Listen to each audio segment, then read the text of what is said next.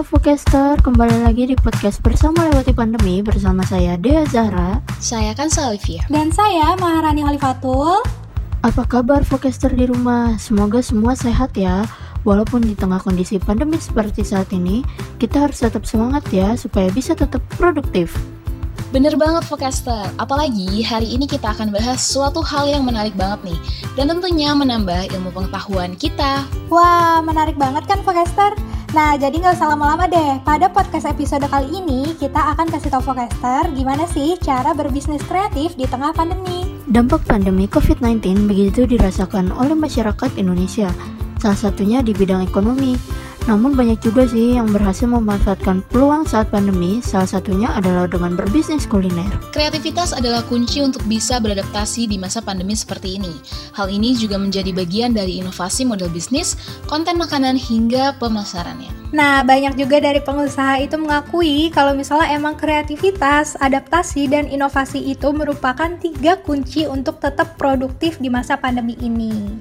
Jadi penting banget tuh memanfaatkan peluang di saat pandemi ini. Kan lumayan, itu bisa jadi solusi buat nambah penghasilan dan tambah-tambahan buat keluarga. Nah, Focaster, dari penjelasan tadi tentunya kita tahu ya bahwa untuk menjalankan sebuah bisnis dibutuhkan sebuah kreativitas dan inovasi supaya bisnis kita tetap bisa berjalan dengan lancar walaupun di masa pandemi seperti saat ini.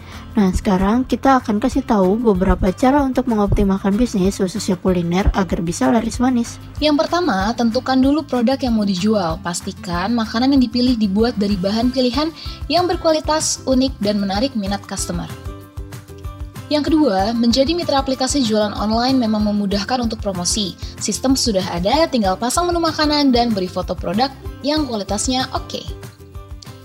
Yang ketiga, memperkenalkan produk jualan bisa dengan menggandeng selebgram atau influencer untuk endorse produk jualan. Siap-siap aja deh buat bisnisnya laris dengan banyaknya orderan. Nah, yang keempat, jangan lupa aktif promosi juga di sosial media. Karena sosial media itu ternyata punya pengaruh yang cukup besar banget buat promosi bisnis kita. Dan sebaiknya metode yang digunain itu metode soft selling ya, biar nggak terlalu nonjol dan tetap menarik minat para pembeli.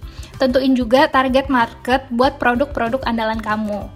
Dan yang kelima, inovasi terhadap bisnis perlu dilakuin nih biar menarik minat para pembeli. Misalnya bisa dengan inovasi menu baru, terus foto pendukung produk yang lebih oke, okay, atau bisa juga dengan ngadain promo dan giveaway kayak gitu.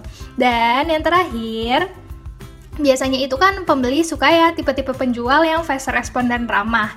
Jadi kita juga sebagai penjual attitude itu harus diperhatiin uh, baik terhadap customer ataupun pengantar makanan online biar mereka bisa memberikan kesan yang baik gitu terhadap kita. Jadi feedback mereka bisa bagus ke kita kayak gitu. Nah itu dia tadi pembahasan kita tentang sebuah bisnis kreatif yang dijalani saat pandemi. Dengan gitu Focaster bisa tetap mencoba melakukan hal baru yang produktif dan menghasilkan di masa pandemi.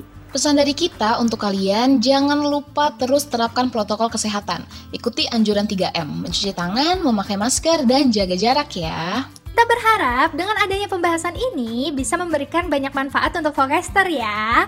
Semoga kita bisa kuat tetap sehat, dan kita bisa bersama lewati pandemi. Buat Focaster, jangan lupa ya follow Instagram Focus di @focusradio.ui karena di sana kita juga kasih tahu banyak info-info menarik yang tentunya mengedukasi yang siap buat nemenin Focaster selama masa pandemi ini. Terima kasih Focaster udah dengerin podcast bersama lewati pandemi edisi Yuk Kreatif Berbisnis di Tengah Pandemi. Tungguin terus episode selanjutnya ya, karena pembahasannya gak kalah menarik dan juga seru banget. Kalau gitu, saya Maharani Halifatul bersama teman saya, Dia Zahra, dan juga Kansa Olivia pamit. Jangan lupa untuk terus dengerin Focus Radio on Podcast, and see you on next episode.